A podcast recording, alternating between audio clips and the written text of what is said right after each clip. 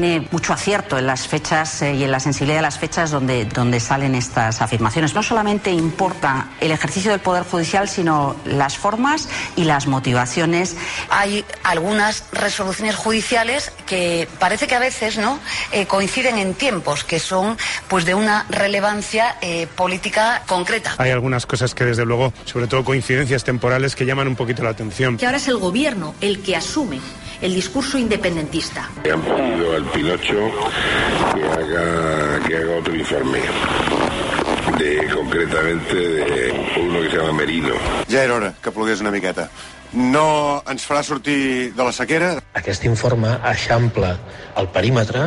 La sorpresa és que de cop i volta ens situem en xifres de 850 milions d'euros, que és el volum real que genera la indústria de la música. Ho tenim tot.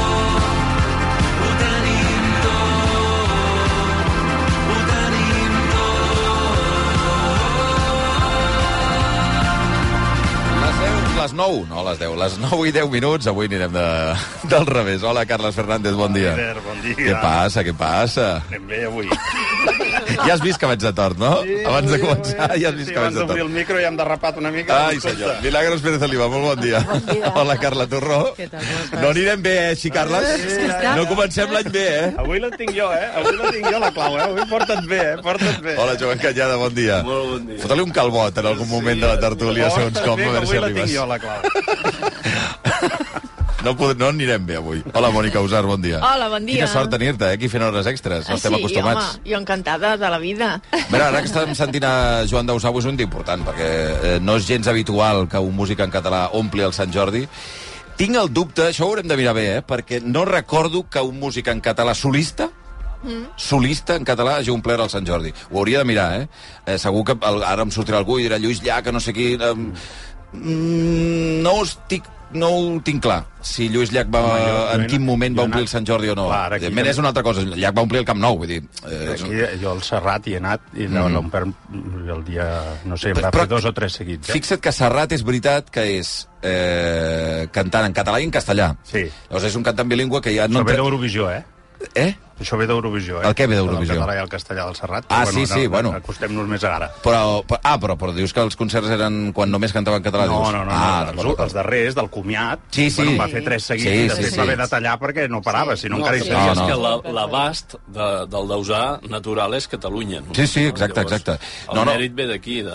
I és, eh, el, el mèrit és aquest, que en un, en un mercat tan petitó com és el català i en llengua catalana aconsegueixis omplir un Sant Jordi, que això en vam parlar quan Ocas Grasses ho va fer fa no gaire, Osó, venint del País Valencià, t'omple el Sant Jordi, és una fita extraordinària, la veritat. I, i, i en fi, a més, a més vull aprofitar perquè la Mònica Raimon el devia omplir, no. No va fer Raimon, no. Ai, ara Feia no Palaus sé. de la Música. Ara no ho sé, això. Veus? Però això és una bona pregunta que, que jo crec que ens hem de fer sobre si quants solistes en català han omplert el, el Sant Jordi.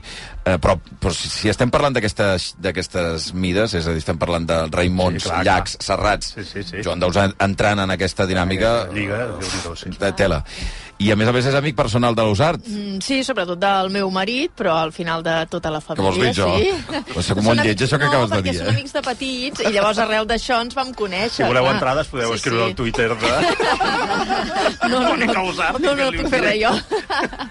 No, sí, sí, no, no hi faltarem en aquest concert, i serem aquest vespre, clar que sí. Mm. sí I seràs, eh? Sí. Ah, però demà no vens aquí a treballar, perquè s'acaba No, una miqueta demà tard. tindreu a la Bel Caral. Val, sí. bueno, Que perfecte. combinació de meteos aquest cap de setmana. Allò està tapat, per tant, en, en, encara, que hagués, encara sí. que hagués de ploure, no canvia res, no? Però és que tampoc no, ha de ploure. No ha de ploure, saps. no. Ahir va ploure tot el que havia de ploure almenys el cap de setmana i també gran part de la setmana que ve perquè no tenim pluges a la vista i donem pas a un cap de setmana de fred. No sé si encara no heu sortit de casa, notareu que han baixat molt les temperatures després d'una setmana que hem tingut un ambient molt suau, fins i tot un punt primaveral. A veure, el senyor que sempre se'n fot del tema del fred. Has notat Ah, sí? alguna cosa de fred, Carles? Avui no? feia fresca. Ah, home. No serà perquè tens al davant l'Ausart i no el Martí Oliveres, que t'agrada cascar-lo? Bueno, el Sí. Martí és més fàcil, és veritat. Però... No t'atreveixes tant amb l'Ausart, eh? Sí, no tant, no tant. Et veig més xaiet, Sí. Carles. No, no, fes Avui eren, eh? avui eren 7 graus quan he sortit de casa Mm, i amb sí. la moto sí, es noten. Es notava, sí, és un ambient Però vaja, més no el són que els 14 tocaria. de Sòria, perquè allà a la franja Ah, que hi tenim, una tanca o 14 alguna zero. Allà a la franja ja hem aixecat una lona i no passa I, res. amb el te... No, és veritat que l'aire fred ha, anat entrant per aquella zona i llavors aquí, per exemple, ahir pronosticàvem que baixaria la cota fins uns 400 metres cap a la Terra Alta, que és per on se es colava mm. precisament aquest aire fred. I llavors és el que ha fet que nevés en aquesta zona uns 200 metres i en canvi aquí a casa nostra doncs, no, no ha arribat aquesta neu. Molta gent ens ho ha mirat així, eh? com deia sí. el Carles, que dius, hosti, està nevant a Saragossa, que està a 200 metres del mar i no pot nevar a Catalunya, mm. que no hi ha Clar. manera que caigui una gota... Mm. Bueno, sí, aquesta setmana hem tingut aigua, eh? A i veure, ahir vam tenir aigua, però no... Ha plogut, sí, al final és veritat que necessitem eh, molts temporals Clar, molt necessitem molt. seguits, sí, però aquest, aquesta regada d'ahir va ser molt benvinguda, fins i tot hauríem de tirar fins a l'octubre, fins al mes d'octubre, per trobar una situació de pluja tan general i amb aquests 40 litres que van arribar a les comarques de Tarragona, que és el registre més important. Vull dir que va anar bé, no sé si això permetrà allargar una miqueta aquesta situació d'emergència, perquè la pluja la setmana passada va fer que s'allarguessin 15 dies més, però és veritat que a les capçaleres dels rius és on s'ha recollit menys aigua. Cap a comarques de Girona i Pirineu és on ha caigut menys aigua. Estem allà al límit, eh, amb el, la qüestió de la sequera, no? aquest, eh, aquest eh, 16%, si no recordo malament, no? Sí, dels, dels pantans, que estàs allà al, al límit, i els hectòmetres que hi ha Sí. al país són molt al límit de la- de l'arrencada de la- de l'emergència. Per tant, eh, aquesta pluja és sempre benvinguda, no és extraordinària, no, No, és una no, no gran és, cosa, no està bé, és correcte. Sí, sí, sí. Eh, N'hi ha d'haver-hi? Eh, No, no, no, de eh? moment eh, el que veiem és una pujada important de les temperatures. Una primera pujada que tindrem dilluns És que això, i una segona entre dijous i divendres. Últimament ens acostumem a viure més en una primavera constant i de tant en tant tenim 3 o 4 dies de fred, Fred. intens, en Sí, comptes sí. de tenir a l'inrevés, no? que era el que estàvem acostumats fa anys, de tenir un hivern doncs, més fred o més normal i després tenir alguns punts. Doncs no, ara gairebé sempre tenim les temperatures per sobre de la mitjana, però és que és molt extrem, perquè a mitjans de la setmana que ve podríem tenir valors 10 graus per sobre del que tocaria, i això voldria dir 25 graus, o fins i tot a veure que no ho superem. Per Això tant, podem estar la setmana que ve 25 graus a alguns llocs de sí, Catalunya. per tant, sí, haurem d'estar pendents de possibles rècords en un mes de gener. Temperatures de Veurem. Canàries. És tremendo, Mhm. perquè Sí, a sí. pagès això farà un mal. Sí que és veritat. Sí, sí. Sí? Eh, els, els efectes que els sobre les arbres, floriran abans d'hora... Bueno, és que la sí, natura està, Clar, estan està boges. des, despistadíssima, Sí, no sap què li toca, perquè la temperatura és el que marca els Clar, ritmes biològics, clar, sí, no? sí. Ja tenim la falta d'aigua per una banda, que ja Sí. està afectant, i a més la setmana passada doncs, hi va haver aquelles queixes no, dels agricultors que havien sembrat i no va arribar la pluja que havia d'arribar, vull dir que al final és una cadena que entre sequera i aquestes pujades i baixades tan dràstiques de, de la temperatura, doncs sí que acaba afectant també el camp.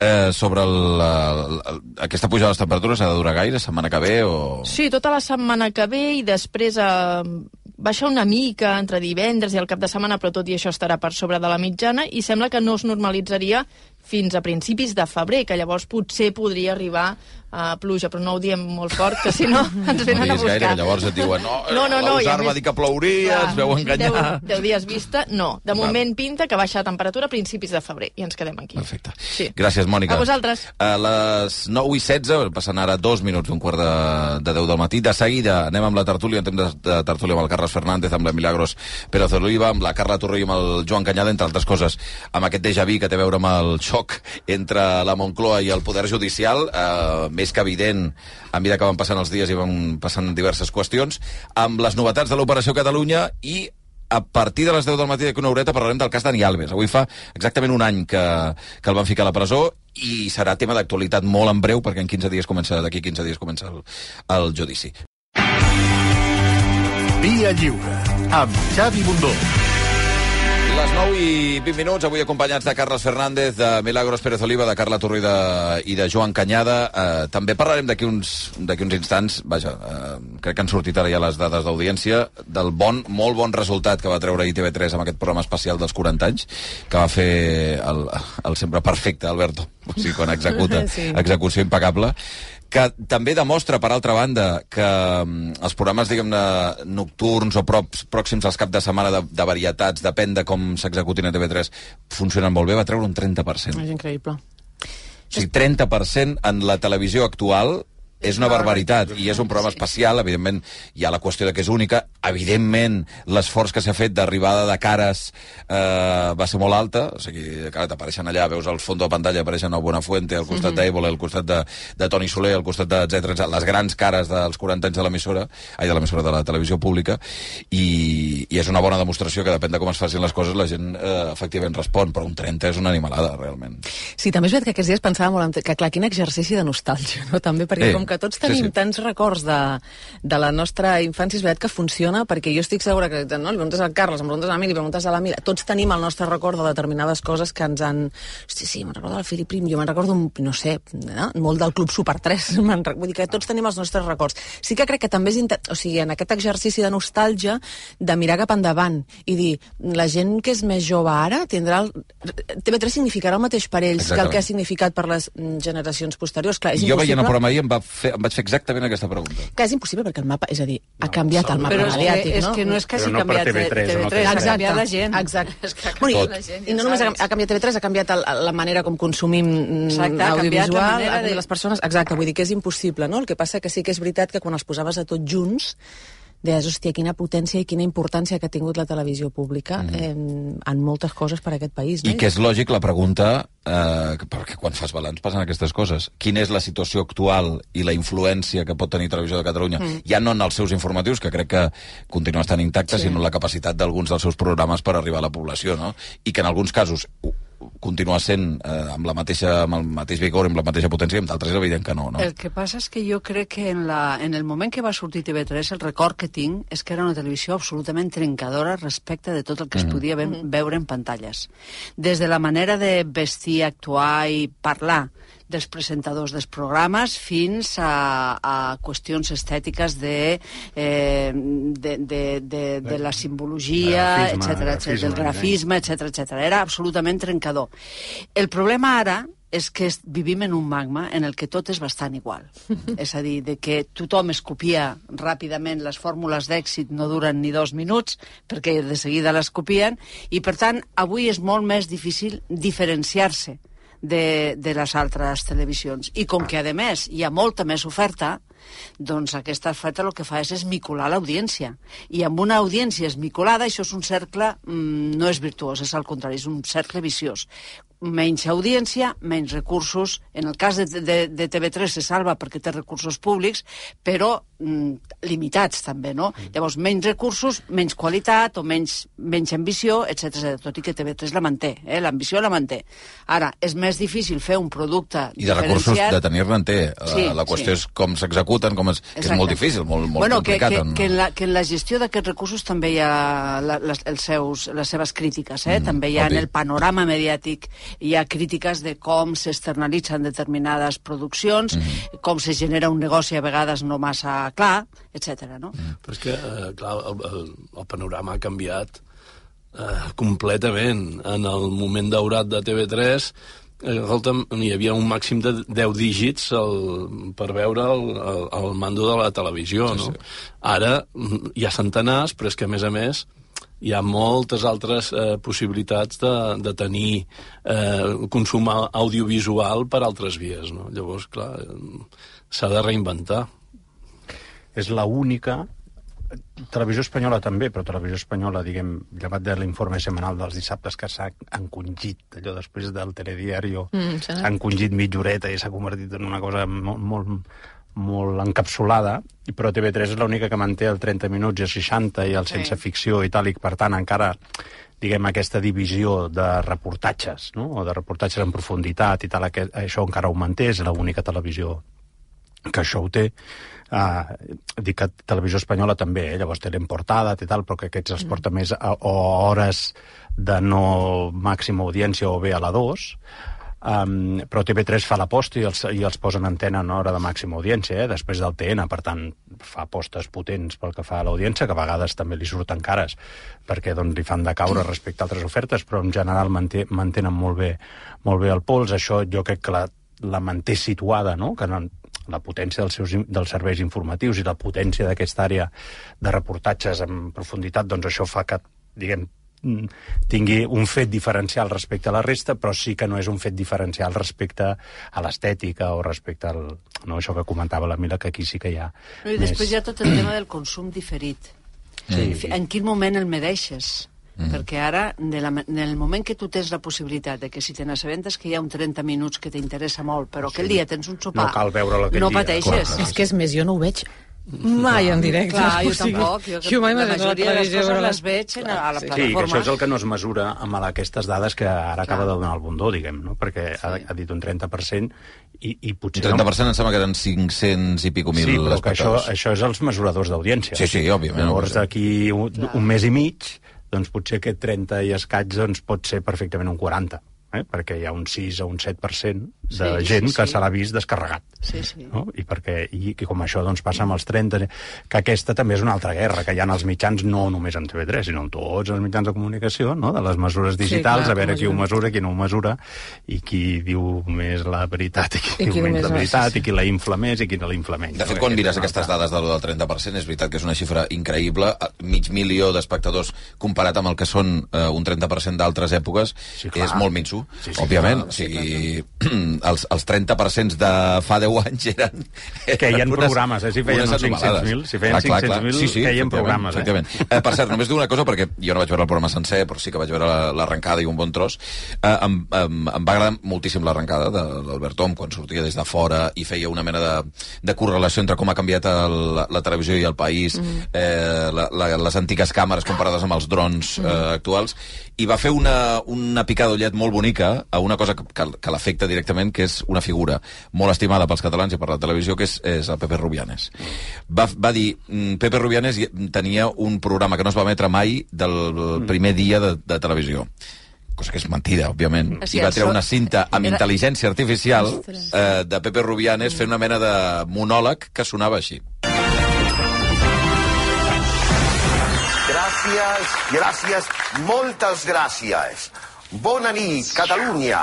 Un petó. Sense llengua, eh? Ha costat, però per fi tenim una tele en català.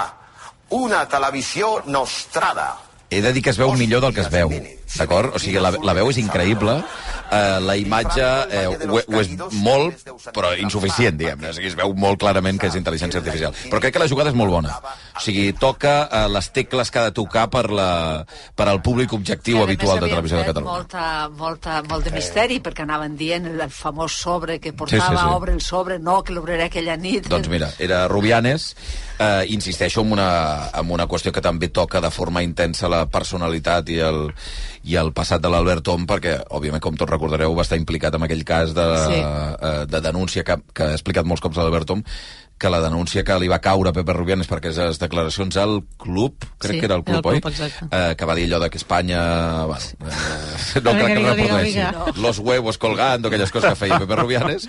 Eh, eh, a la mierda, Espanya, crec que va dir. Sí, no? oi? sí, sí. Eh, eh, allò va anar a un jutjat i, i no es va resoldre. O sigui, va morir abans Pepe Rubianes que es resolgués el cas des del punt de vista judicial. És una cosa que ell ho va patir molt i el propi Albert Tom ho va patir molt. I aquest, eh, aquesta picadollet jo trobo que és molt bonica, molt tendra, molt ben executada eh, i, i és una molt bona jugada d'Albert Tom, que efectivament és un, és un professional enorme. Bé, eh, quan queda un minut per arribar a dos quarts de deu del matí, deixeu-me canviar de, de tema, de seguida saludaré l'Armenteres, l'inefable Armenteres, perquè està eh, l'inevitable, fins i tot diria Armenteres, perquè No, està a Galícia on està mai, tothom. mai. És inevitable, és un senyor que és inevitable. Eh, i- eh, absolutament perfecte, també, en la seva execució. Armenteres és a Galícia, juntament amb l'Arnau Manyer, perquè estan, eh, hi ha aquesta concentració aquest cap de setmana de polítics del Partit Popular i del PSOE. Pensava que érem els pèl·lets. Eh? Pensava que érem els No, pèl·lets. em sembla que no estan molt pels pèl·lets. Que tenim l'Armenteres per aquí? Hola, Armenteres. Hola, bon dia. Evita'm quan vulguis, eh? És lleig, això que t'ha dit, Armenteres. Jo trobo que, que sí. No, no, perdona, és... lleig. Has Perdona. lleig. No, no és lleig. No és lleig, inevitable vol dir que... Que no es pot evitar. Que no es pot evitar perquè Armenteres és... És indispensable. Ja està, Ah, ah, ah. exacte. És indispensable. Eh, inevitable suposant que el volguessin, que el volguessis evitar, No que el ningú el vol evitar, ningú el vol evitar, Exacte, ahí Armenteres. està. Bueno, escolta, Armenteres, Ui, ja quina, derrapant, eh? quina concentració... És que de veritat, eh, Carles, avui em busques la cara, eh? eh quina, eh, quina concentració política que hi ha a Galícia, òbviament és el pròxim pas de la- de l'escenari electoral, eh, i evidentment esteu seguint tant el PSOE com el Partit Popular, un PSOE que veurem com ho gestiona això, el xoc que van viure ahir entre Moncloa i, i el món judicial, de nou, una altra vegada, i que, i que ha alimentat aquestes tensions pròpies que hi entre l'executiu i, el, i el món judicial, no?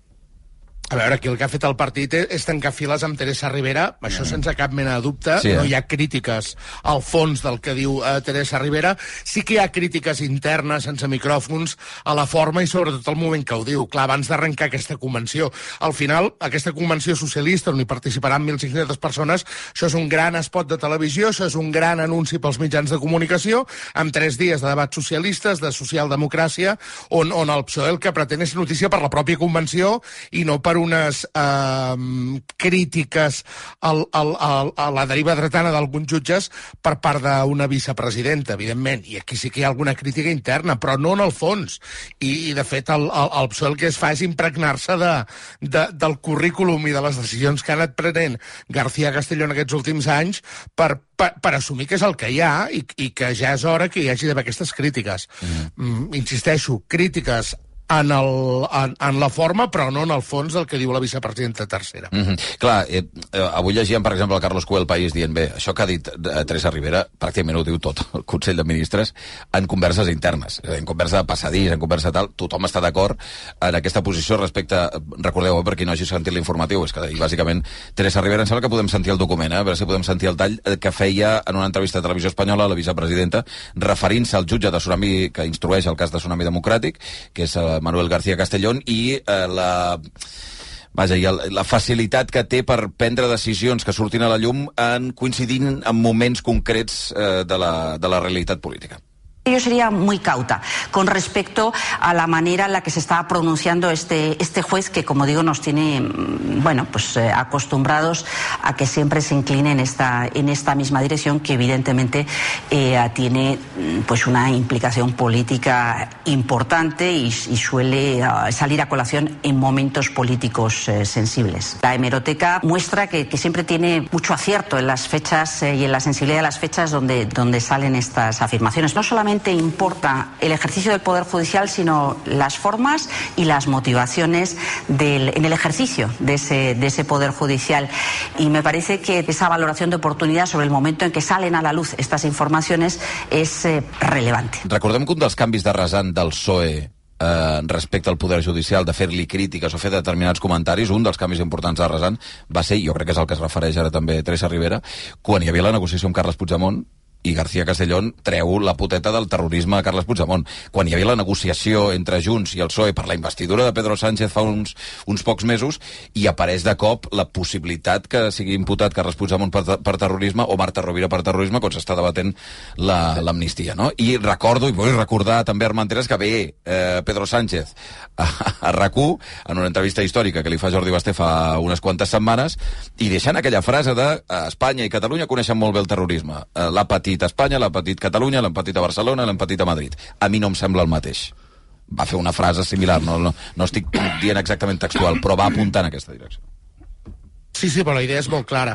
Um, um, aquí hi ha un element, o sigui, la, la crítica més repetida al si de la PSOE, uh, quan parles amb, amb, amb càrrecs, amb dirigents, és que um, García Castellón no té cap problema amb córrer molt quan, mm, pels seus interessos, mm, busca aquesta imputació per terrorisme a Carles Puigdemont o mm, fa tota, tota la... Al final és una instrucció d'un cas, perquè ell és jutge instructor. Llavors té molta pressa per algunes coses, però en canvi per altres, digue-li M. Rajoy als papers de Bárcenas, digue-li Maria Dolores de Cospedal, mm. doncs resulta que llavors allà no hi ha cap, que cap pressa. Quants anys fa que estem amb tot el tema dels papers de Bárcenas? Sí, sí. Doncs resulta que allà el, jutge no ha corregut. Però ara, de cop i volta, mmm, passen coses a la vida i García Castellón entra com un, com, com un actor més en tota aquesta pel·lícula. Aquesta és la crítica que més sentim de fons del PSOE, clar. Mm. Canyada, com ho veus? Tu que coneixes bé l'àmbit judicial. Bé, jo crec que, que, que, el que les paraules de la vicepresidenta, molt probablement, les pensi molta gent, o pugui arribar a aquesta conclusió molta gent, no? El problema o la diferència entre el que va dir el Sánchez i el que ha dit la vicepresidenta és que el Sánchez estava eh, eh, criticant d'alguna forma eh, la, una qüestió jurídica o una interpretació jurídica. I això és completament legítim, dir que un jutge s'equivoca jurídicament o dir que no comparteixes el raonament jurídic que fa un jutge.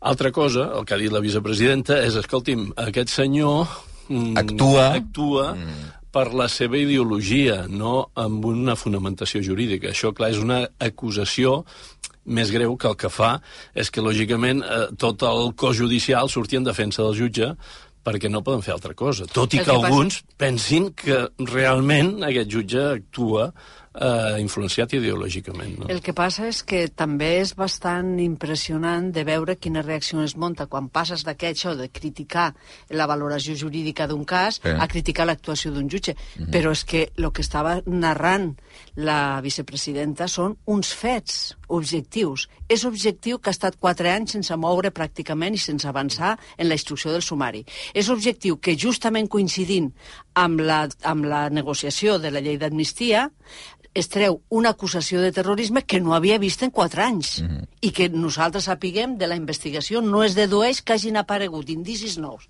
La única cosa que basa l'acusació de, de, de terrorisme és en uns fets que ja es coneixien des del primer moment i que cap força policial ni d'investigació vincula una mort d'un home per un infart a una terminal, Sí, vincula de- el tema terrorisme. De fet, eh, en els fiscals del cas els pega, els diu, escolti'm, Exacte. que estic sol o què? Això una No, mica no, d'alguna no manera som- està apuntant... No solament eh, això, no sí, solament sí. això, sinó que la Fiscalia considera que no Clar, clar. es pot vincular, que no es pot vincular. Per Sí, sí. tant, a més d'una gran controvèrsia jurídica, que a més no cal haver anat a la Facultat de Dret massa temps per veure que aquesta associació de terrorisme és una mica forçada, com a No, mínim. m- Més que una forçada, és una aberració Exacte. jurídica. Bueno, jo ho dic, jo ho dic perquè no me vingui després a, a imputar el juez Castilla García Bueno, de moment encara no és ministre, per tant no et diran res, em no, sembla. no, no. Bueno, pues, eh, el, el tema és que també s'ha de poder criticar el, eh, en, eh, quan, sempre que observis objectivament els fets, però els fets s'han de poder criticar. Sí, però és perquè, veritat. perquè, no, no, perquè fixa't quina cosa, i a més una paradoxa.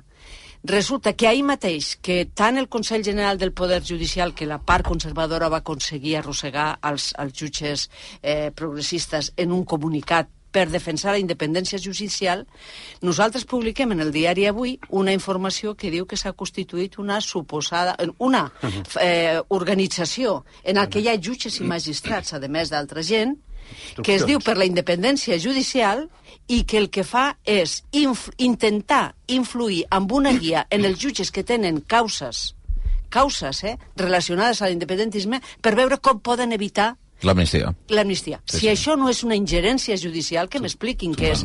Feta pels propis jutges, però no només els jutges, perquè Des de la qui comanda- ideologia, Qui, perquè qui recordem- comanda aquesta, perdona, qui Exacte, comanda exacte. aquesta, aquesta mm, associació és un eurodiputat de Ciudadanos. D'UPyD, sí, de, De UPyD, Wagner Sosa. No? Wagner Sosa, que després... Bueno, sí, sí, és, escolta, és un fet, sí, sí. Uh, la, la meva pregunta és, davant d'això, jo, um, que jo no entro a debat de si es pot o no criticar des d'un govern o des d'un grup polític, crec que si les acusacions efectivament són greus, si tu apuntes a un jutge dient que, que diguem-ne que en la seva acció hi ha ideologia eh, vinculada en què vols o no vols, perquè això és el que se sobreentén, que hi hagi un govern o, hi ha, o no hi hagi un govern, que és una cosa molt greu, eh, la meva pregunta és, i després de fer aquesta afirmació, què?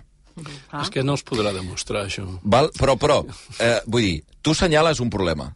Des d'un govern, no des de l'associació de veïns, des d'un govern d'Espanya. Diversos ministres, a més a més. No és només la ministra Rivera, ha sortit Yolanda Díaz, ha sortit Òscar Puente. D'alguna manera, Pedro Sánchez, no és que t'ho avali, però no hi ha una desautorització d'aquesta ministra. Per tant, el que és lògic és preguntar-se mm, si heu detectat que hi ha aquest problema, si Espanya ja l'ha ofert, si hi ha jutges que van a la seva eh, i que eh, lluiten políticament per, eh, a través de les seves armes jurídiques, què es fa després? L'advocat de l'Estat ha de presentar una querella criminal. Doncs...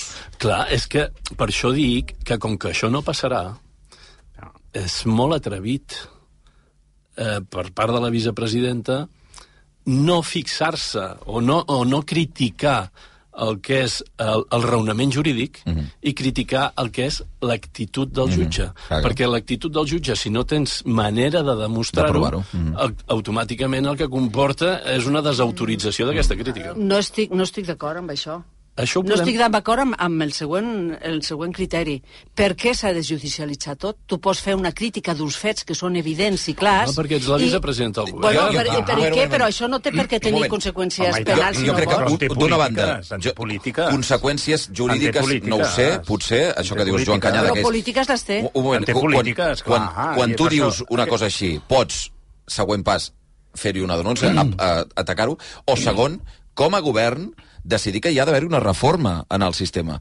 Eh, i dir, com que tenim aquest problema, com que hi ha un jutge que li passa això, i segurament no és l'únic, eh, s'ha de canviar el sistema. Però si tu fas una... Des d'un govern, insisteixo, i no hi ha la, el pas B, després de la crítica, no hi ha el pas B per solucionar la crítica, perquè Però- no és una cosa menor. Si Però que no un és- jutge actui no és el ideològicament... Sistema, no és el sistema, perquè tu Doncs no si no pots... sistema, a veure, què canviaries d'aquest sistema? Perquè tu saps que la discrecionalitat i la independència dels jutges consisteix precisament en que ells poden, te- tenen l'eina de la instrucció. Mhm. I en la eina de la instrucció tenen el control dels tempos, el control de les proves, el control de totes les actuacions que s'han de fer. Sí. I, per tant, això, mm, això no pots atacar-ho. Ha de ser així sempre. Una altra cosa és que vulguis fer una reforma com la que s'ha plantejat recentment, que és dir que no sigui el jutge instructor el que porte la, el gruix de la investigació i ho passis a la Fiscalia, que molts països ho tenen així, diríem, no? Però, però eh, eh, sempre trobaràs una situació en el que un jutge, en el seu marge de llibertat i de discrecionalitat que té en la instrucció del cas, pugui fer coses que siguin criticables. Carles i Carla Torró. Bé, jo crec que, que és evident el dret a la crítica només faltaria, però en el moment en què tu portes uns galons, ets vicepresidenta del govern, avui, aquest cap de setmana, entraràs a formar part de l'executiva del PSOE perquè entraràs a formar part de l'executiva. Això té conseqüències polítiques, i llavors, com que té conseqüències polítiques, jo crec que aquestes manifestacions no poden ser un accident i no poden ser un accident en el sentit de que s'han de falcar molt bé a dins de tot el govern. I és evident que a la Moncloa, tot i no desautoritzar-la, no, no li han anat bé en el sentit de dir que ara no eren oportunes. Això és una altra cosa. Llavors, com que, com que el fet que es diu més enllà d'assenyalar un jutge, que jo crec que és, eh, diguem, de totes, totes, és evidentíssim el que està fent, és evidentíssim.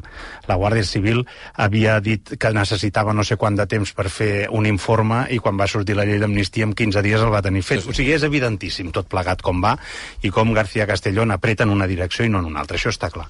Però com que tindrà conseqüències polítiques i el que provocarà és donar-li l'argument a un, a, un, a un òrgan jurídic i a un cos jurídic esbiaixat clarament, un òrgan jurídic que un Consell General del Poder Judicial que es va manifestar, va fer un ple extraordinari, va fer una declaració sobre una llei d'amnistia que ni existia.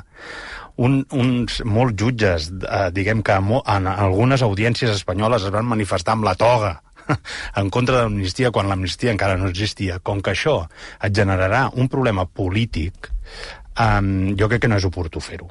I però- sobretot quan tens a una Unió Europea que t'ha de mediar per la renovació del Consell General del Poder Judicial i quan el principal argument que està fent servir el teu partit de l'oposició, que és el PP, per no renovar, renovar el Consell General del Poder Judicial, és dir que tu, govern, el que fas és manipular i voler incidir sobre la judicatura. Per tant, des d'aquest punt de vista i amb el que jo crec que hauria de tenir al cap la vicepresidenta del govern de l'Estat, que és el conjunt, i no diguem, una part, tot i que aquesta part, i com diu l'Armenteres, o sigui, molta gent la comparteixi, o gairebé tothom la comparteixi, mm. diguem, gairebé tothom, mm. no la pugui explicitar. Si això ho hagués de dit, ho hagués dit uh, el secretari d'organització del PSOE, és una cosa.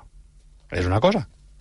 Però ella és la vicepresidenta del govern. Llavors, jo crec que no va calibrar les, la mesura del, del, del conjunt. I ha donat una artilleria que és difícilment um, diguem, co uh, contrastable en el sentit de difícilment de contrarrestable, perdó, que no t'ho nego, per part del govern, Però no que no sigui desautoritzar-la, cosa que tampoc crec que s'hagi de fer. Ja, però no, no deixa de ser que diguem. Hi ha coses molt òbvies, molt òbvies, no? Tots les sabem. Però, home, no les diguis, no? I dius, home, un moment, o sigui, què vol dir que hi ha coses tan òbvies, tan òbvies que tots compartim i No, que no les després no, diguis es poden... perquè el problema que et generarà el problema que... Si, si tu el que vols resoldre és la renovació del Consell General del Poder Judicial, perquè aquest és el- l'objectiu màxim, l'objectiu màxim, mm. intenta posar les menys verdisses possibles per arribar a Però, aquest fi. tres, sí, però, tres, sí, però tres coses ràpides. La primera, quan parlem de jutges hi ha una cosa que és important diferenciar, que és d'una banda tenim els jutges de carrera de primera instància, persones que passen una oposició i que tenen una plaça, i per una, balta, una, banda, una altra banda una sèrie de jutges on els nomenaments depenen i tenen una relació directament Evident. amb la classe política. El jutge García Castellón ha estat 17 anys cobrant de llocs nomenats directament per part del Partit Popular. Totalment. Aquí, quan parlem de sistema, jo crec que és això el que es posa sobre la taula, és perquè parlem de dels reformar, jutges com si no. fossin una única unitat. No, no són milers, i molts passen no, en, primera, en jutjats de primera instància, nomenats en oposicions que han, que han guanyat i que no tenen cap vinculació amb la classe política. Què passa en aquestes instàncies superiors? És una pregunta que ens hem de fer. Ah, Dos, la renovació del, del Consell General del Poder Judicial és que és l'exemple en si mateix del problema que tenim en aquest país gravíssim, gravíssim, perquè el que mostra són com els partits intenten utilitzar institucions, institucions que són centrals en un estat de dret, em, amb fins partidistes per voler-los controlar i, per tant, fer política i guanyar allà el que no guanyin precisament per la via de la, de la política. I tres, jo crec que és una pregunta que també ens podem fer, i espero que s'entengui. L'Operació Catalunya fa molt de temps que es coneix, mm. molt de temps, molts anys, amb fets molt greus que s'han publicat a diversos mitjans, no? Eh, jo tinc la sensació que la reacció no havia sigut tan, tan furibunda com, com fins ara. I, i, De la i classe política, també. Sí, eh, i i això no té res a veure amb la feina periodística, que evidentment és la feina que s'ha de fer, el periodista fa el que ha de fer, no? Però jo també em, em fa pensar aquesta reacció del PSOE, perquè, perquè penso que, que, que ho sabien abans. És a dir, si, per, què, per què ara surten amb una reacció furibunda amb informacions que fa quatre anys que se sabien quan ells ja estaven al poder? Jo crec que són preguntes que també necessitem fer-nos perquè l'operació Catalunya és greu estigui governant qui estigui governant eh, que i sigui la conjuntura política la que sigui. És que un punt, i ara parlarem de la- de l'Operació Catalunya, eh, del que deia la Carla. Uh, jo crec que s'ha advertit durant molt de temps, i portem prou anys i van portar prou anys de procés per aquest, per aquest tipus d'advertències, que um, el conflicte polític era molt gran, eh, va anar molt lluny i això va generar unes tensions que van tensar la costura del sistema democràtic a uns nivells probablement que no s'havien vist mai a Espanya. Llavors, això no s'acaba eh, quan s'acaba el procés. És impossible que s'acabi. Hi ha una fractura, hi ha una factura a pagar. I aquesta factura i aquesta fractura tenen a veure amb totes les instàncies eh, més, de l'Estat. Per una banda tens, i ara ho tens, si la- l'Operació Catalunya més tard o més d'hora, algú havia de, de, de reconèixer el que havia passat. Més enllà de que eh, molts ja ho havíem denunciat sí. o s'havia denunciat des de l'àmbit eh, des de, des de l'àmbit de, de, de, del periodisme no és possible que... Però és que té a veure amb moltes coses, i té a veure amb, el, amb la fe que pot tenir la població, el respecte que té la població a les, a les institucions. Això és bàsic en un sistema.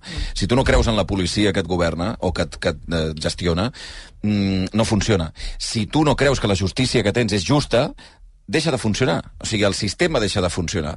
Perquè la justícia no només ha de ser justa, sinó que ho ha de semblar. En el moment que hi ha una part d'aquesta justícia que ja no us sembla de justa, s'ha trencat el sistema. I no reconèixer això eh, és, és una absurditat. Per tant, la meva pregunta és, eh, i ara què? Mm. No? O sigui, un cop s'ha vist que això ha passat, un cop s'ha assenyalat alguns dels, dels responsables del que això ha passat, eh, i ara què? Qui reconstrueix això i qui ho reconeix, Clar, també, no? però des del moment en què Rajoy decideix que en comptes d'afrontar directa i políticament el conflicte, d'una manera, diríem, en, per, les, per, les, per, pels, pels mecanismes habituals de la política, eh, i, i, i decideix que subsidia al, al poder judicial perquè faci tota aquesta, tota aquesta feina que ell hauria de fer des de la política, està tenint en compte els tempos de la política, de la justícia, de la justícia a Espanya, Està posant en risc el sistema. està posant, però és que a més estàs garantint que això no Claríssim. s'acabarà mai perquè Clar, garantint recurs que- contra recurs i, bueno, i totes les instàncies i les milers d'instàncies que hi ha. És així. És així. Eh, eh, Permeteu-me només una cosa per acomiadar el pobre Armenteres, que el tenim allà. Eh, Armenteres, és que abans el Carles ha dit això de no pot ser un accident, eh, les paraules de Teresa Rivera, o, o el que hem, aquesta deriva que hem anat veient del PSOE últimament, que s'ha atrevit molt més a, a No assenyalar hauria el poder de ser un judicial. accident, no Sí, no jo, hauria. jo parlava de, tu què creus? Això concretament parlava de l'amnistia, eh? Mm. jo em referia a l'Operació Catalunya perquè és veritat que hi ha hagut, jo crec, no, que han anat augmentant allò, les veus dels seus últims dies. Pel que tu saps per la relació que mantens amb la gent del PSOE o el que t'expliquen, eh, és un accident o no és un accident? Uh, no hi ha res mai que sigui un accident, però uh, sí que és veritat que, que, que ja veus que el que diuen és que es passa a frenada, Teresa Correcte. Rivera, sobretot el dia que ho fa, perquè al final, mm, com a PSOE, tu et gastes els diners en fer una gran convenció per sortir tot arreu, per, per renovar el teu ideari socialdemòcrata, i de cop i volta una declaració que més t'arriba de la taula del Consell de Ministres aixafa tota la pel·lícula que tu tens prevista per explicar al llarg de tot aquest cap de setmana. De fet, ahir hi havia algunes veus al PSOE i a la nit que deien a veure què expliquem ara perquè el, el, el, el, la ment mental de tota la premsa mm, es, es desvia o us desvieu de la Teresa Rivera mm. i anem a la pel·lícula que nosaltres volem explicar des Hem d'esperar d'aquí, una bomba ara mateix des de, des de Galícia no, perquè des, desactivi una mica el discurs. A més, a més, hi ha excusa per demanar-li entrevista perquè entra a l'executiva, no? Mm -hmm. Uh, sí, uh, sí, ara estava buscant a quina hora intervé Teresa Rivera. Sí. Uh, és, és, és, és a mitja tarda. Uh, és, és a les 4 de la tarda, òbviament, estarà en una taula de Teresa Rivera, però serà de les que haurem de perseguir per Clar, veure si vol fer algun matís, Evidentment. Clar, si vol rectificar, que entenem que no rectificarà, però vaja. Sí, en, en aquesta convenció avui hi ha tots els ministres eh, socialistes, eh, tots els diputats, tots els senadors, eurodiputats, eh, diputats autonòmics i, i delegats fins un total de 1.500 persones, poca broma. I el, i el, i el, puc, puc fer una Sí, pregunta, per favor, que vulguis. director? I el, el relleu, el relleu i, i set hereu és, és, és natural o també té lectura? No, al final, eh, Iceta eh, ja estava en preprocés de jubilació i en aquests moments, com sabeu, Sí. delegat de la UNESCO Sí, sí. eh, de- d'Espanya amb seu a París. Eh, Se t'ha eh, se t'ha vist, se t'ha escoltat el somriure, t'ho dic per... per no, no, per, perquè, perquè ho sàpiga. No, no, no, no tant somriure, No busquis, mira, somric no més busquis, perquè... Uh, so, somric més perquè, per sorpresa, uh, Jordi Hereu ha entrat en Montpeu, Jordi Hereu també formarà part de l'executiu del PSOE, l'executiu és el fi- al final és el nucli dur que pren les decisions més importants d'aquest partit i només es reuneix cada 4 o 5 mesos, demà al matí hi ha una reunió.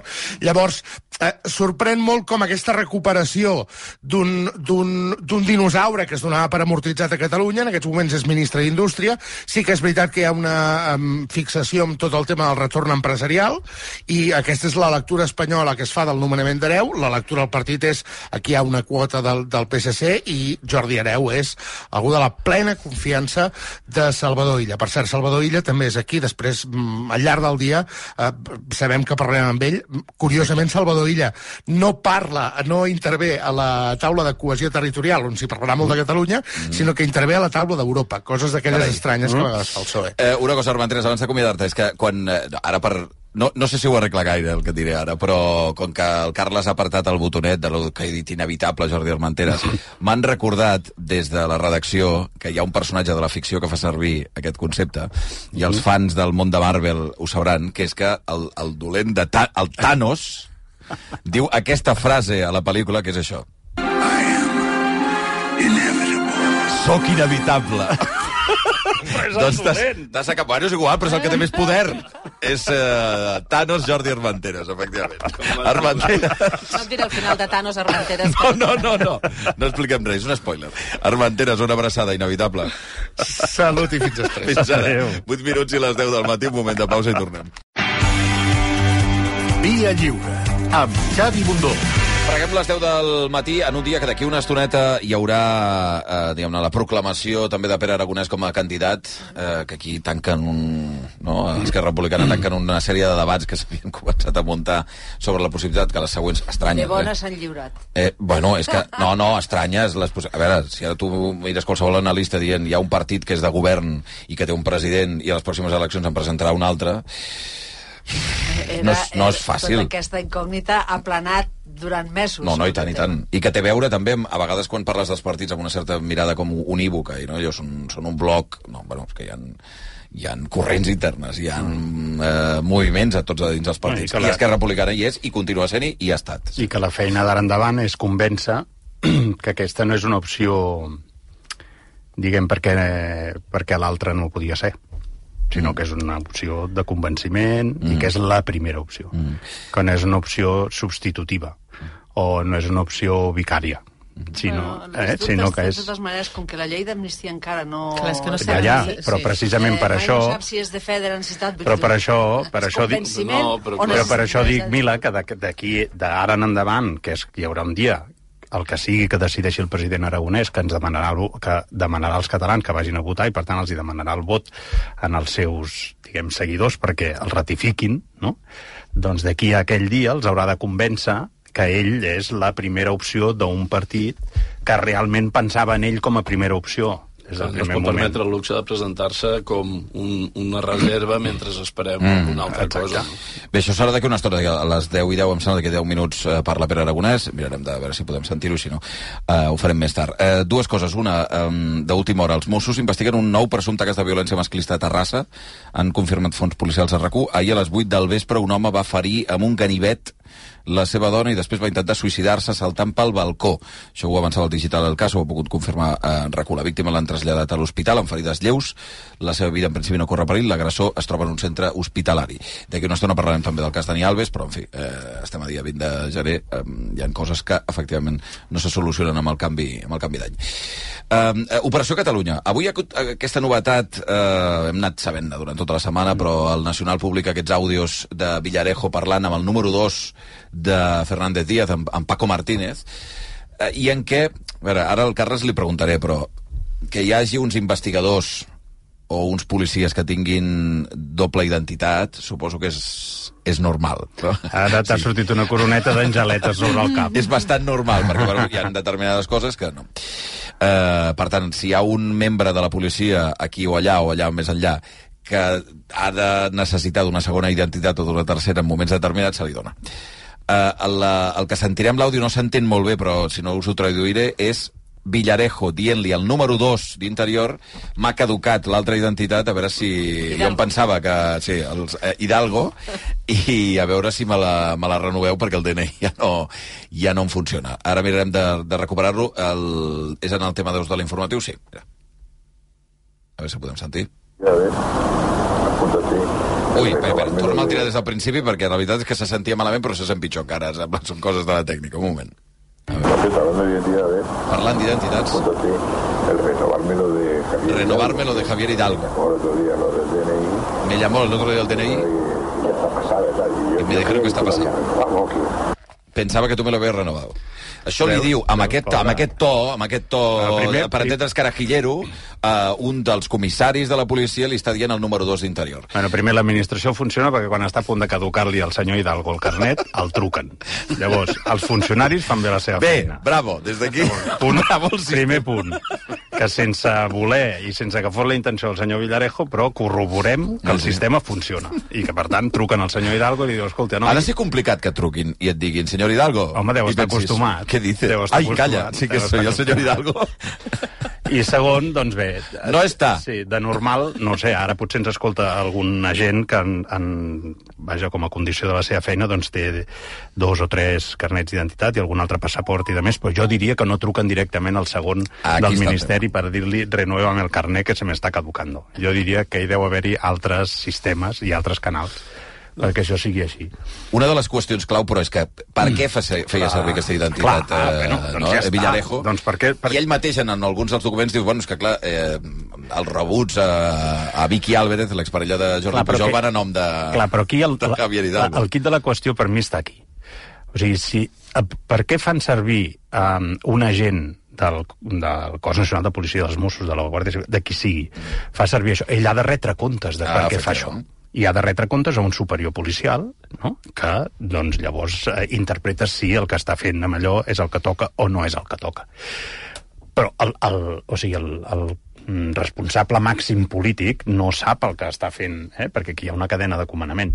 Però aquí el que ara no pot al·legar, una vegada més, és la direcció política del Ministeri no pot al·legar que no sabia que el senyor Villarejo estava fent coses lletges, perquè és evident que tenia un, un DNI, diguem, el seu nom amb una identitat falsa, és evident que tenia un tractament d'espia, perquè, per, perquè és, el que, és els que ho tenen, diguem, o de gent infiltrat, o digue-li el nom que tu vulguis, és evident que parla de terceres persones com la senyora que era parella del senyor Pujol. Per tant, no es pot al·legar, no es pot al·legar. I de, No nou. I de nou torna a aflorar, que és el que abans la Carla, jo també era, era un argument que volia, que volia destacar. No? Abans la Carla deia, bueno, és que fa molts anys això de l'Operació Catalunya. Efectivament, en fa molts d'anys. I fa tants d'anys com que um, ja en dues ocasions hi ha hagut la petició de compareixença de Rajoy al, al Congrés dels Diputats. Però com que la conjuntura política era la que era, el PSOE va impedir que el Rajoy comparegués. I pel camí han passat moltes coses. Entre altres coses ha passat que el ministre de l'Interior, que fa uns anys es va il·luminar a Las Vegas i va decidir, diguem, deixar de tenir situacions per il·luminar-se amb Nostre Senyor, uh, sense Nostre Senyor i descobrir Nostre Senyor, aquest, aquest ministre que està imputat i que haurà d'anar a declarar per un tema de possible possible i presumpta corrupció i utilització de la policia perquè no es coneguessin informacions que poguessin vincular al PP hm, amb temes de corrupció. Mm, obro un parèntesi. Jo recordo que es va cremar un gratacels a, a Madrid, Jo, eh? I tant. Un gratacels on hi havia una empresa auditora de les grans del món, de les grans, que casualment auditava el PP, i allà es va cremar tot un edifici com una casa de pagès, que és com si a Barcelona es cremés, no sé, a l'edifici del Banc Sabadell del carrer Balmes, eh? És un, un senyor, Era un la- senyor gratacels. la Torre eh? Windsor era, Sí, no un senyor gratacels, Windsor, sí, que a sí. més a més, quan va començar a cremar, era com una teia, que els bombers no van tenir temps... O sigui. No, no es va començar a encendre una paperera i és que com que tothom dormia van tardar molt a trucar. Eh? Vull dir que allò es va encendre com Déu mar. Vale, doncs aquest ministre, recordeu que um, ha canviat la seva estratègia de defensa i ha recuperat la memòria i ha demanat que el PP sigui citat en la seva causa. Mm -hmm. I ha demanat que el PP, diguem, eh, doncs doni comptes de aquesta causa que vincula, que no, té, no és Operació Catalunya, sinó que té a veure amb el, amb el cas Bárcenas, etc etc. Mm. Llavors, aquí hi ha una baula. Aquí hi ha, un, hi ha una qüestió que és una baula fluixa, que és que ja no tenim un ministre que aguantava tot el que hagués d'aguantar. Llavors, um, això, juntament amb una conjuntura política que és molt diferent, que és la que ja no és la que salva Rajoy en dues ocasions de compareixer al Consell de Ministres, és la que ara fa que el PSOE digui, bueno, ja en parlarem. Mm. Ja en parlarem. I és la que ja veurem si no serveix de canvi de cromos per pactar coses. I em refereixo al Consell General del Poder Judicial, mm. em refereixo a moltes coses, perquè abans de que el PP, diguem, s'hagi d'empassar que Mariano Rajoy comparegui en, en, la, en el con, Congrés dels Diputats per donar explicacions d'això. Recordo que el Codi Penal tipifica, i aquí el, el, el Joan em rectificarà, però tipifica que els que han tingut responsabilitats públiques, si en una compareixença al Congrés dels Diputats menteixen i es demostra, se'ls hi pot aplicar el Codi Penal. És així, Joan? Val? Sí? Així és, sí, sí. Llavors, mm, per tant, va de debò, eh? va de debò. Sí, ara, ara, ara la batalla aquesta és una batalla crucial, ens sentirem a parlar i... I el senyor Fernández Díaz pot tornar a ser citat i el senyor Fernández Díaz ja té recuperacions de memòria perquè algun cop s'ha donat han sopegat alguna vegada i ha recuperat memòria, les baules es van com desmuntant. Sí. Per tant, ja en parlarem. Jo no crec que veiem a Rajoy compareguent, no ho crec, no ho crec, estic Perquè hi haurà un convençut acord previ, que no, sí. perquè hi haurà acord i perquè institucionalment no hi haurà l'atreviment de desmuntar-ho, diguem, de fer-ho saltar tot pels aires, perquè institucionalment és molt bèstia. Jo, institucionalment eh, és molt bèstia, i ja això veurem, serà un ja canvi veurem, de cromos, ja veurem. jo Ja crec que pot ser un canvi de cromos mm, molt, molt, molt important. El, el que se li escapa a Rajoy és molt potent, eh? Lo tendrá muy crudo. Sí, eso, sí, sí. Perquè Sí, però aquí- és, lo tengo muy bien escondido. Sí, però no és, no existe, eh? Sí, sí, Mira, sí. Fernández Díaz pot dir no en és, és públic... el- mentira. Sí. Fernández Lo Díaz- tienen crudo.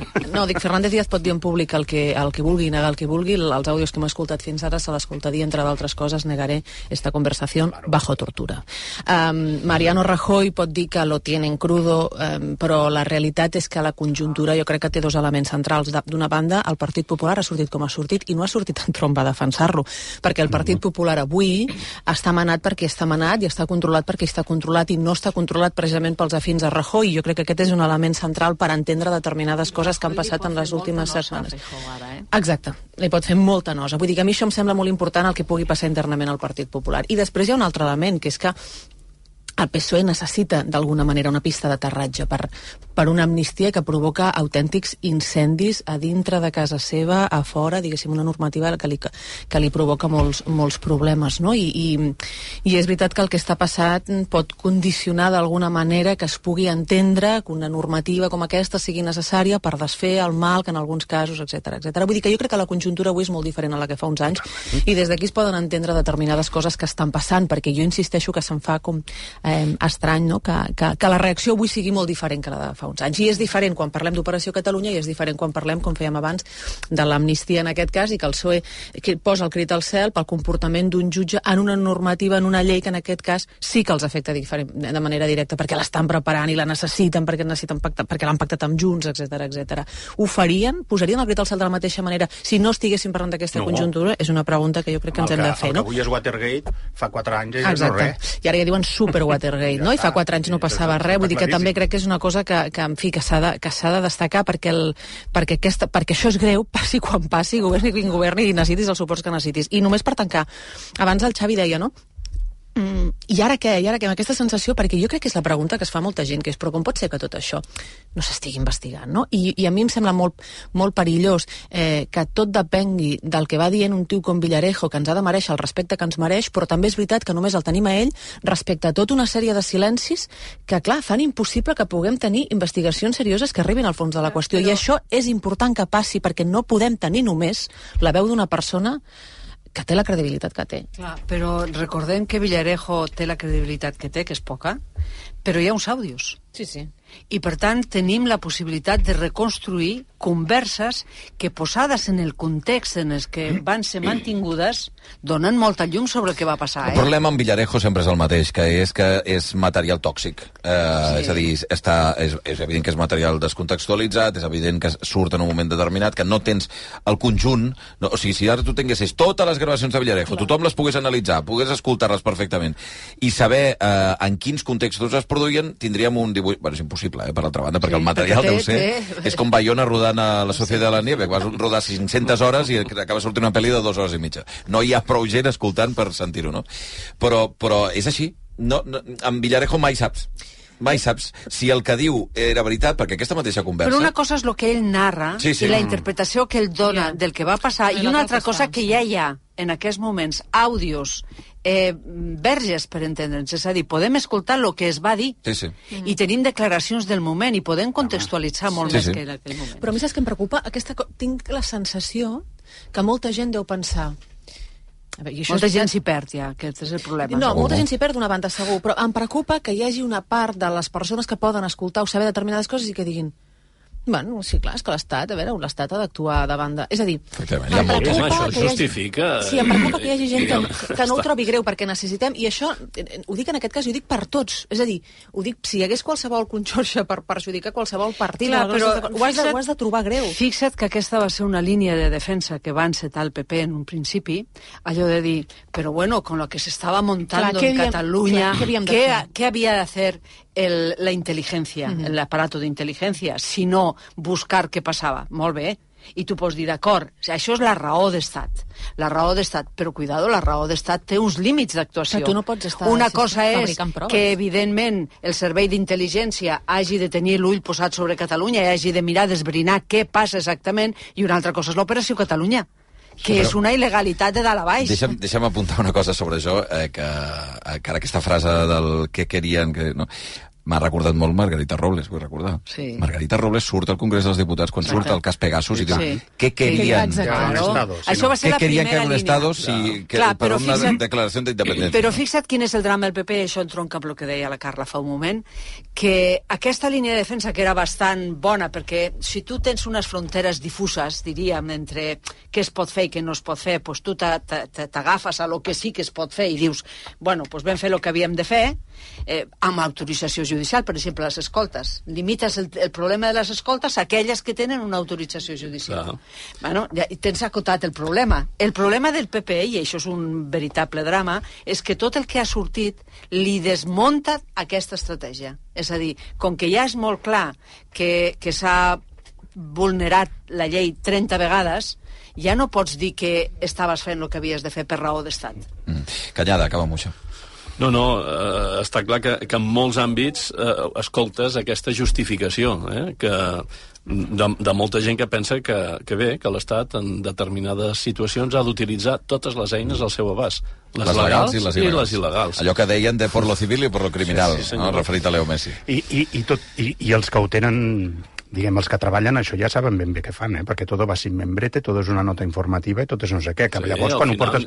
Perquè tam- quan diem que això no es pugui I investigar... es, va, prova- I es va publicar, eh? Quan no hi havia membreta, quan no sabia qui ho firmava, quan no se sabia qui ho firmava. Sí, però probablement, probablement tampoc deu ser tan fàcil, ni per la Fiscalia, ni per algun jutge, o sigui, vestir vestir una investigació Aquí una judicial, una investigació judicial, diguem, que, que la vestida de la cosa... de càrrec, home. Aquí- que la aquí hi ha- vestida de la cosa aguanti. Aquí hi ha una altra, una altra dificultat Perquè- afegida. perquè- Aquí hi ha una altra dificultat afegida, que és que en aquell moment totes aquelles operacions Catalunyes i tot el mal polític es va fer intencionadament gràcies a aquestes actuacions, van tenir necessàriament un còmplice absolutament imprescindible perquè això pogués tenir Els efecte, que eren els mitjans de comunicació, Clar. que ara estan treballant primer per, per salvar-se amb ells I mateixos. silenciar la cosa. I silenciar la cosa o desviar l'atenció. Sí, sí, que sí, també sí. hi ha l'altra estratègia. L'estratègia de dir treure aspectes eh, diferents per desviar Ah, l'atenció. perquè des del punt de vista del- del- d'això de la prova, no? del Codi Penal,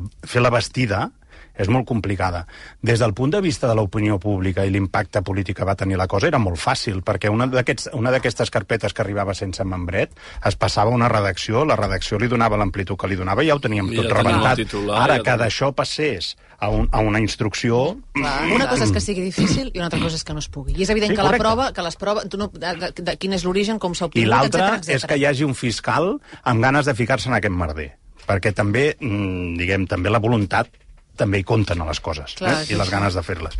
Record... Bueno, no, mm, no sé si podem...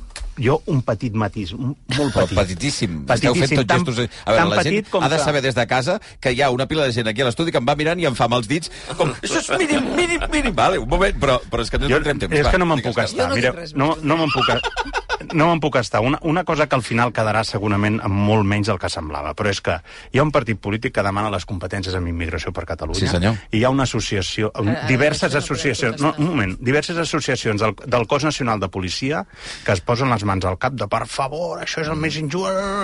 I no he sentit ni una que de l'operació Catalunya es posi les mans al cap quan No, tenen no. processats els seus comissari, el comissari Opino, el comissari no sé què i tal, i que els s'haurien d'aixecar perquè hi ha molts no agents del trenca cos nacional de policia que són dignes i decents. Això no trenca Espanya. Eh, un quart d'onze del, del matí. Deixa'm saludar el Cesc Giró, que el tenim a, crec que és el col·legi, crec que és l'auditori del Col·legi d'Arquitectes, és on, eh, on, hi ha l'acte d'Esquerra Republicana. Hola, Cesc. Hola, bon dia, Xavi. Eh, com està la situació? Ha començat ja o no? Doncs eh, hi ha hagut una primera reunió, però de l'executiva del, del partit abans de començar aquest Consell Nacional. Hem vist fa un moment eh, eh, Oriol Junqueras i Pere Aragonès sortir del Col·legi d'Arquitectes per fer ara sí l'entrada, diguéssim, al Consell Nacional per Ah, la entra- Porta Gran. Entraran junts, clar.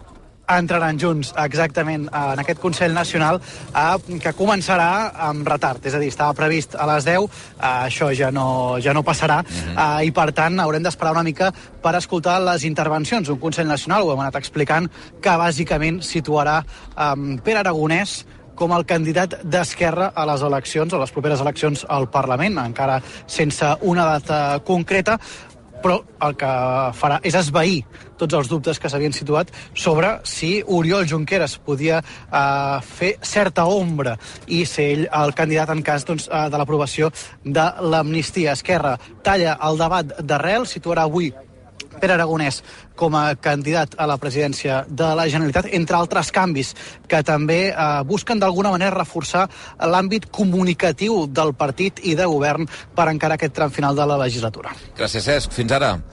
Fins ara. Ara passa un minut d'un quart de dotze al matí. Res, deixeu-me dos minuts de publicitat i de seguida Casa Alves, que avui fa un any de la seva detenció, mirarem de parlar amb el periodista del diari El País, Jesús Garcia. Via Lliure, amb Xavi Bundó. Va, 9 minuts i dos quarts de- d'onze del matí, avui que som amb el Carles Fernández, amb la Milagros Pérez Oliva, amb la Carla Turro i el Joan Canyada, i que avui fa exactament un any d'una de les notícies que han marcat eh, l'últim any, el 2023, eh, per l'impacte i per les conseqüències que va tenir, que és la detenció de Dani Alves. Avui fa un any que és a la presó. I que reactivarà, perquè d'aquí a 15 dies ha d'haver-hi l'inici del, del judici. Deixeu-me saludar a aquesta hora del matí el periodista de, de Judicial del diari El País, Jesús Garcia. Què tal, Jesús? Molt bon dia. Què tal? Bon dia, com esteu? déu nhi eh? Un any ja. O sigui, sembla mentida, però efectivament eh, ja fa un any d'aquella notícia que, a més a més, eh, ho explicava ara el Benet Iñigo a, l'informatiu, d'un Dani Alves que es pensava que anava a un lloc i va acabar a un altre, no? És a dir, anava a fer una declaració, pensava que se'n sortiria, i acaba, i acaba directament a la Garjola. Doncs sí, sí, la veritat és que va ser bastant sorprenent per, per tothom. és cert que ell no tenia constància, d'alguna manera, dels indicis que els Mossos ja, ja, ja en disposaven, i va arribar aquí i es va veure doncs, com entrava a la, a la presó després d'una declaració que és veritat que va ser eh, molt caòtica, no? amb, amb tres declaracions, és a dir, tres afirmacions diferents del que va passar aquella nit. Eh, eh, es produïa me, unes tres setmanes després dels fets, no? perquè crec que són la nit del 30 al 31 de desembre, si no recordo malament, Jesús. Sí, exacte. Això passava la nit del 30 de desembre a la discoteca, discoteca Sutton de Barcelona, com sabem, amb un reservat, amb uns lavabos del reservat, i, i bé, doncs, eh, sí, pràcticament, doncs, eh, un mes després, efectivament, uh -huh. eh, va venir aquí des del, des d'on va marxar a Mèxic, diguéssim, uh -huh. i efectivament va passar per la ciutat judicial, a Garjola, es va declarar, i després directament a presó, durant tot aquest any ha fet intents per sortir de la presó, ha demanat doncs, que es deixi en llibertat amb mesures cautelars de tot tipus, no ha estat possible, i ara ja doncs, tenim el judici, com deies, aquí a tocar, el 5 de febrer comença, i l'afrontarà com a pres preventiu. Deixa'm preguntar-te una cosa, Jesús, que és... Uh, la, uh, abans deies, Alves, quan el detenen i li prenen declaració, té una argumentació caòtica. Quantes versions en un any ha donat Dani Alves del que va passar aquella nit?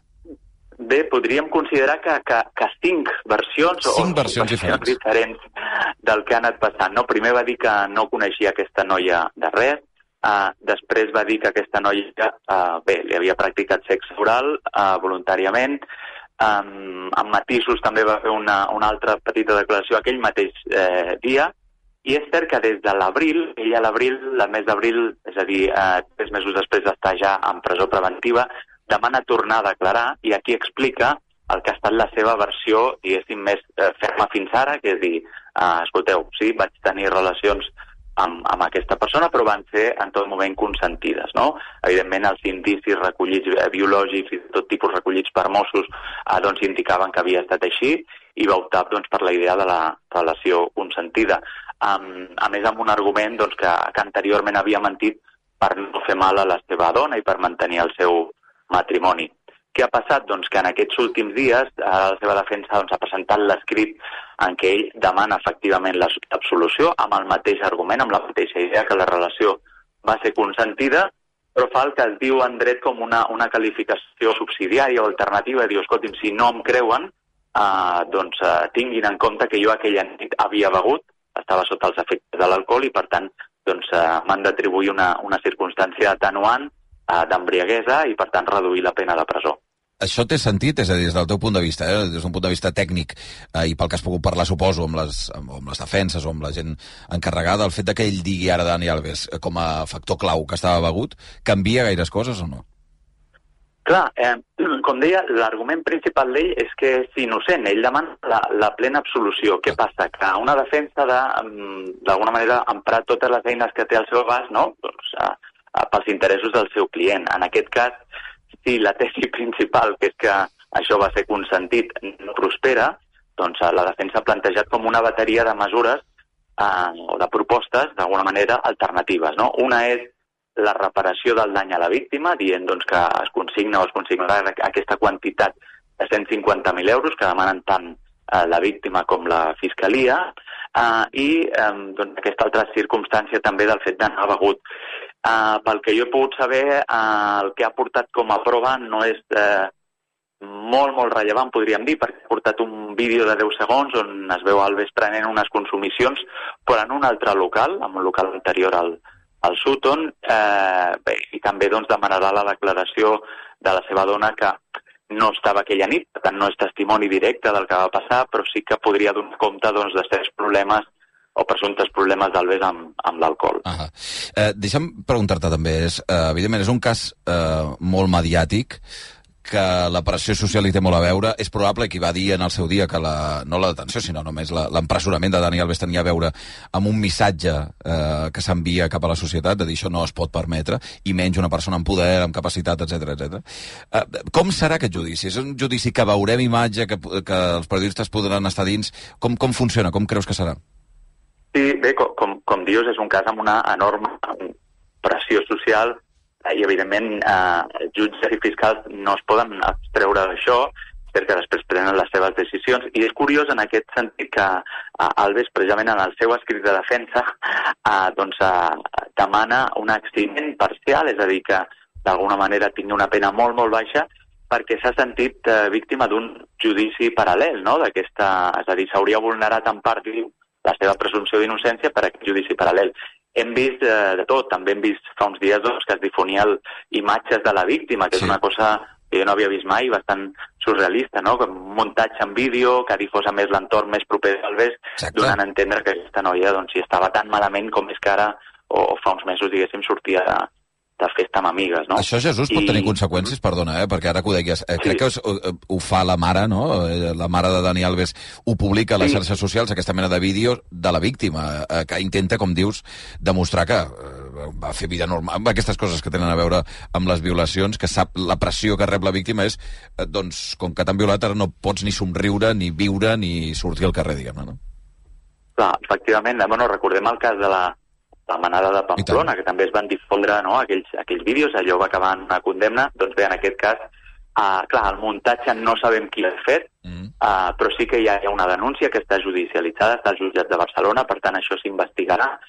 La mare del, del, de l'Albes és una de les persones que difon aquest vídeo, que no crec que l'hagi elaborat ella, perquè, en fi, doncs és un, és un muntatge, però ve a donar aquesta, aquesta idea tan masclista, en realitat, no? de dir, bueno, si has estat víctima de violació i estàs sotmès a un tractament psicològic, o com justament ho està, uh, no pots sortir de casa, no? i això va doncs, contra tots els criteris criminològics que coneixem, és a dir, aquesta idea tradicional de que la víctima ha d'estar, a més a més d'haver patit, doncs està tancada a casa i sense fer res, no? el qual no té cap, cap sentit i no ajuda gens tampoc a la defensa de, d'Alves, en realitat, tot això, vull dir que no, no va agradar gens. So, I pel que em deies, sí. doncs, de la difusió del judici, efectivament, uh, crec que el podrem, el podrem seguir, eh, els judicis doncs, eh, es poden seguir, però, però en aquest cas hi haurà una cobertura, eh, crec que important, eh, i han obert per tothom, per tant, sabrem el que, el que passa i podrem escoltar totes les parts. Jesús, tu creus que és factible que sigui un judici que acabés amb un acord entre parts?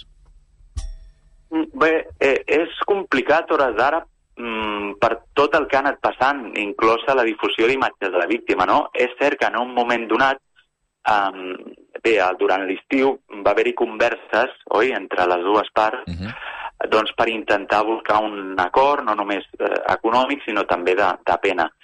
Uh, aquí ja és complicat a vegades perquè, en fi, les dues parts neguen tenir la iniciativa en, en aquest acord, aquí es va aproximar aquí, però en tot cas no van fructificar, no van prosperar, i avui per avui el panorama és que el 5 de febrer comença el judici.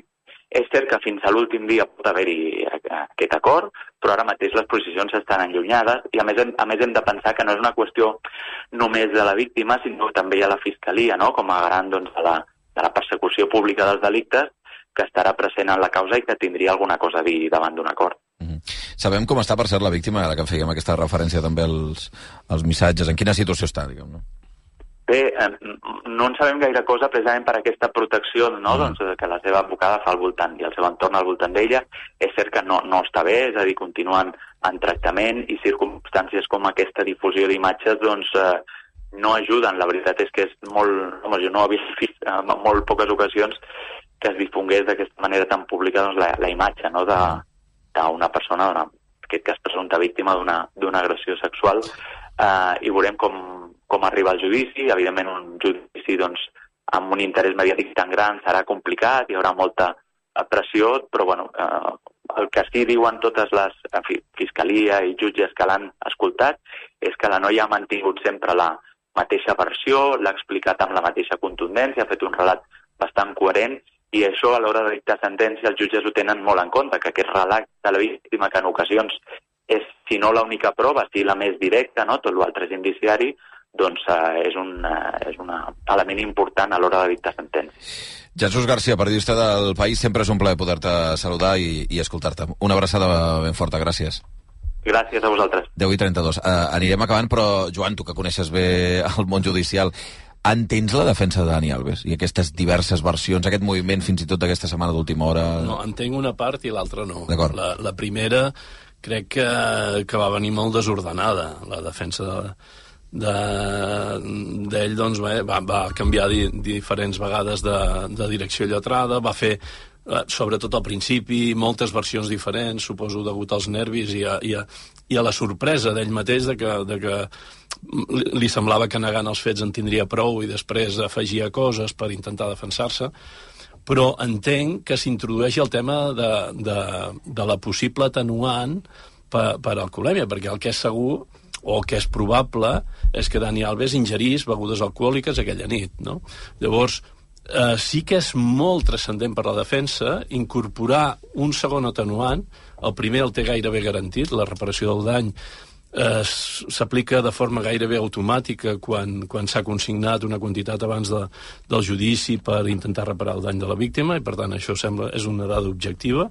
Hi ha una consignació d'una suma important de diners i per tant, amb tota probabilitat li, li, el jutge estigui, vingui obligat a aplicar aquesta atenuant de forma objectiva, però el fet d'introduir una segona fa que les penes puguin rebaixar-se en un o dos graus. Això és importantíssim, perquè clar, pensem que l'agressió sexual amb violència mm -hmm. té una pena prevista entre 6 i 12 anys, sense violència està entre 4 i 12, però clar, la pena inferior en grau a això pot arribar a rebaixar-se en els millors dels supòsits pel Dani Alves a dos anys. Llavors, clar, és molt diferent aplicar només un atenuant on només s'aplicaria la primera mm, la primera meitat de la pena, és a dir, si estés entre 6 i 12, de 6 a 9 anys, que pensem que l'acusació particular demana 12 anys, la màxima, el fi- la Fiscalia demana 9 anys, crec, en Sí. sí. aquests moments. Sí. Per tant, eh, estaríem en penes molt altes mm, de, de l'acusació o amb la franja més alta.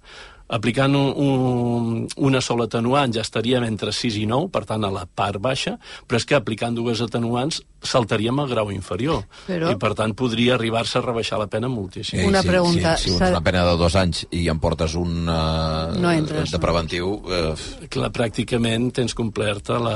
ja pots però, sortir amb... però no? aquesta embriaguesa suposo que s'ha de demostrar. Està clar, s'ha de I demostrar, pel però... que ha dit el Jesús... Eh, Hi ha un vídeo Un vídeo. d'un un altre vídeo d'una altra Hi ha això de moment, però clar, penseu que en el procés penal totes les proves les pots arribar a plantejar en, En el- l'últim moment. L'últim moment. Què passa si hi ha... Eh, perquè per això li preguntava també al Jesús García, encara que ara les, les distàncies sembla enorme entre les dues parts, si hi ha un moment en què també la defensa li diu eh, al seu client la millor manera és que reconeixis els fets, acordem eh, una compensació econòmica i intentem anar a buscar un pacte. Un pacte entre les dues parts en què pot acabar eh, des d'un punt de vista penal? en aplicar les atenuants, en, Els atenuants. Que, en que les En dos anys, acusacions reconeguin jo crec que és difícil que l'acusació particular eh, arribi a, al pacte de que no hi va haver violència, no? Mhm. I per, per què? Perquè és que, com he dit, el, el tipus de, en aquest cas de, de l'agressió sexual en penetració té mm, dues, eh, dues penes, la, la que és sense violència i la que és amb violència. Per tant, si, si fos amb violència, la pena mínima podria arribar a ser 3 anys. Um, però, clar, si les acusacions et reconeixen uh, l'aplicació de l'atenuant, una la reconeixeran sense problema i la segona, l'embriaguesa, bé, si, els hi, si arriben a un pacte, doncs podrien arribar-la a reconèixer i això significaria una pena, evidentment, molt més baixa. Va fer algun últim apunt? Si no anirem, eh, anirem tancant, 10 i 36. Jo sempre recordo una... Crec que alguna vegada ho vam parlar aquí. A una mm, pèrit forense quan parlava d'agressions sexuals i deia dues coses. Deien, el primer que ens passa amb les agressions sexuals és que primer mirem el, a l'agressor, no? I llavors diem, ostres, és un, algú que fa això és un boig, un malalt, aquest tipus d'expressions. És algú que està malament quan aquest agressor el coneixem, ens costa molt identificar-lo com a agressor. Com ha de ser agressor? No? Un tio simpàtic, divertit, que més l'havíem vist, l'havíem aplaudit. I llavors, immediatament el que fem és una segona cosa, que és mirar cap a la víctima. Mirar cap a la víctima per intentar distanciar-nos i dir el que va fer no, no ens hagués passat a nosaltres, no m'hagués passat a mi. És a dir, jo no hagués, ostres, no sé, jo no hagués caminat per aquest carrer que és tan perillós sola, jo no hagués eh, posat, no m'hagués posat una faldilla tan curta, jo no hagués entrat a aquell reservat, no? Eh, I llavors crec que està bé, independentment del que passi el judici, que això no ho podem saber, i quines proves s'acabin aplicant i el que acabi eh, passant, qüestionar-nos aquest tipus de pensaments i de raonaments que tenim, que en el fons el que fan sovint és assenyalar I, i, a la i, te, víctima. I tenir en compte que l'entorn d'Albes és el que ha fet joc brut fora. Penseu que Joc si... brut, eh, de, de, de, aquest vídeo Sí, sí. que difon la mare és difícil de desvincular-lo d'ell. Però penseu que, que... I és fàcil que pugui tenir que conseqüències. en els judicis d'aquest tipus eh, és duríssim per la víctima. Perquè una de les línies de defensa més clares és qüestionar... Mm, això, va ser, això va ser consentit. Clar, és qüestionar... I tu com tant, demostres el que ha passat en un lloc tancat on no hi havia ningú més que Passa- d'un l'altre i la, prova de, la càrrega de la prova la tens tu? Clar, passa molt sovint que els judicis per agressió sexual s'està jutjant a la víctima. Clar, per això, sí, sí. Eh, és a dir, a, a qui més s'apreta, a qui més es qüestiona, mm. a, qui, eh, a qui més s'interroga, és, eh, a qui s'intenta eh, que entri en contradicció és la víctima, perquè eh, l'agressor té... Eh, eh, la víctima té l'obligació de demostrar. A veure, i és evident que el sistema ha de ser així, és a dir, que un ha de tenir Sí, sí. presumpció d'innocència i que la carra, qui ha de Està provar els fets és. Però que és Passa que la situació és duríssima, perquè tu t'has de posar allà a defensar que allò no va ser consentit i és molt difícil demostrar certes coses que passen en entorns tancadíssims. Jo el que dic és, totes les idees prèvies que ens sorgeixen a tots, qüestionem-nos també nosaltres mateixos, que fem, no, però, però llavors per què vas entrar? Però escolta, i li vas somriure.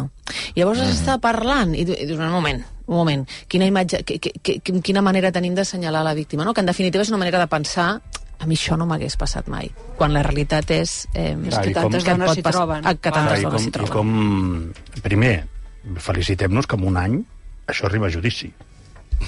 És que, perdona, és que si no tampoc pots tenir... O sigui, i és important que sigui ràpid, perquè tampoc Sí, pots tenir Carla, la, la gent Carla, tancada en preventiva. tenim? no sé. Quants sí, tenim? sí, sí, però... Sí, no sí. tots arriben. Ah, no, no, està quants, clar, quants clar. ne tenim que tarda... Perquè Però és que això és un altre tema, que és que on que no anava pots la, a la en segona preventiva. derivada, que el, el, el Jesús bueno, i el Joan i tothom, és que el jutge posa molt en valor que la declaració no es modifiqui al llarg del temps. Sí, clar. Val? Potser amb una persona adulta doncs eh, la pot mantenir, però en el cas dels nens, Sí, sí, clar. Clar, resulta que absolen un pare que ha abusat de la seva filla perquè mentre l'estava abusant, que la nena doncs, tenia entre 4 i 14 anys, eh, la primera declaració que fa la nena doncs, en tenia 12, explicant tot el que li feia el seu pare, va a judici quan la nena en té 18, i és que, clar, no declara el mateix, home. No et fot. Evidentment. Sí, sí. sí no declara el mateix. Doncs uh, bé, aquí, eh, com a mínim ens podem felicitar que només ha passat un any. Sí. I home, jo sí que el que crec és que aquest, aquest judici té el risc de ser un show del 15. perillosíssim. Del 15. Eh? Perillosíssim.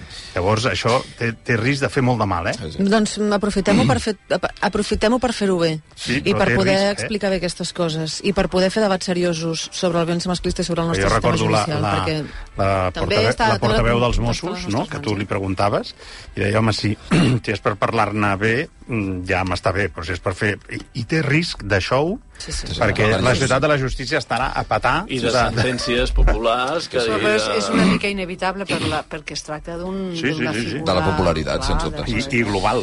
5 minuts i 3 quarts d'onze del matí. Eh, com sempre, un plaer haver-vos saludat. Gràcies, Carles Fernández. Eh, Gràcies, Sí? Milagros Pérez. Gràcies, Carles. Gràcies, Joan També se t'ha Canyada. escoltat el somriure. i no? tractat- no, m'has tractat- al final Sí, de sí. l'amenaça al que acaba vist, sent, eh? Ho has vist. tampoc no està tan L'audiència ha de veure que sent molt valent, però després al final... És que la- ai. l'audiència ha de saber que, el, que, que es diuen coses fora de micro i després hi ha amenaces. Ara, ara. Va, ara tornem. Ja cas. Catalunya 2.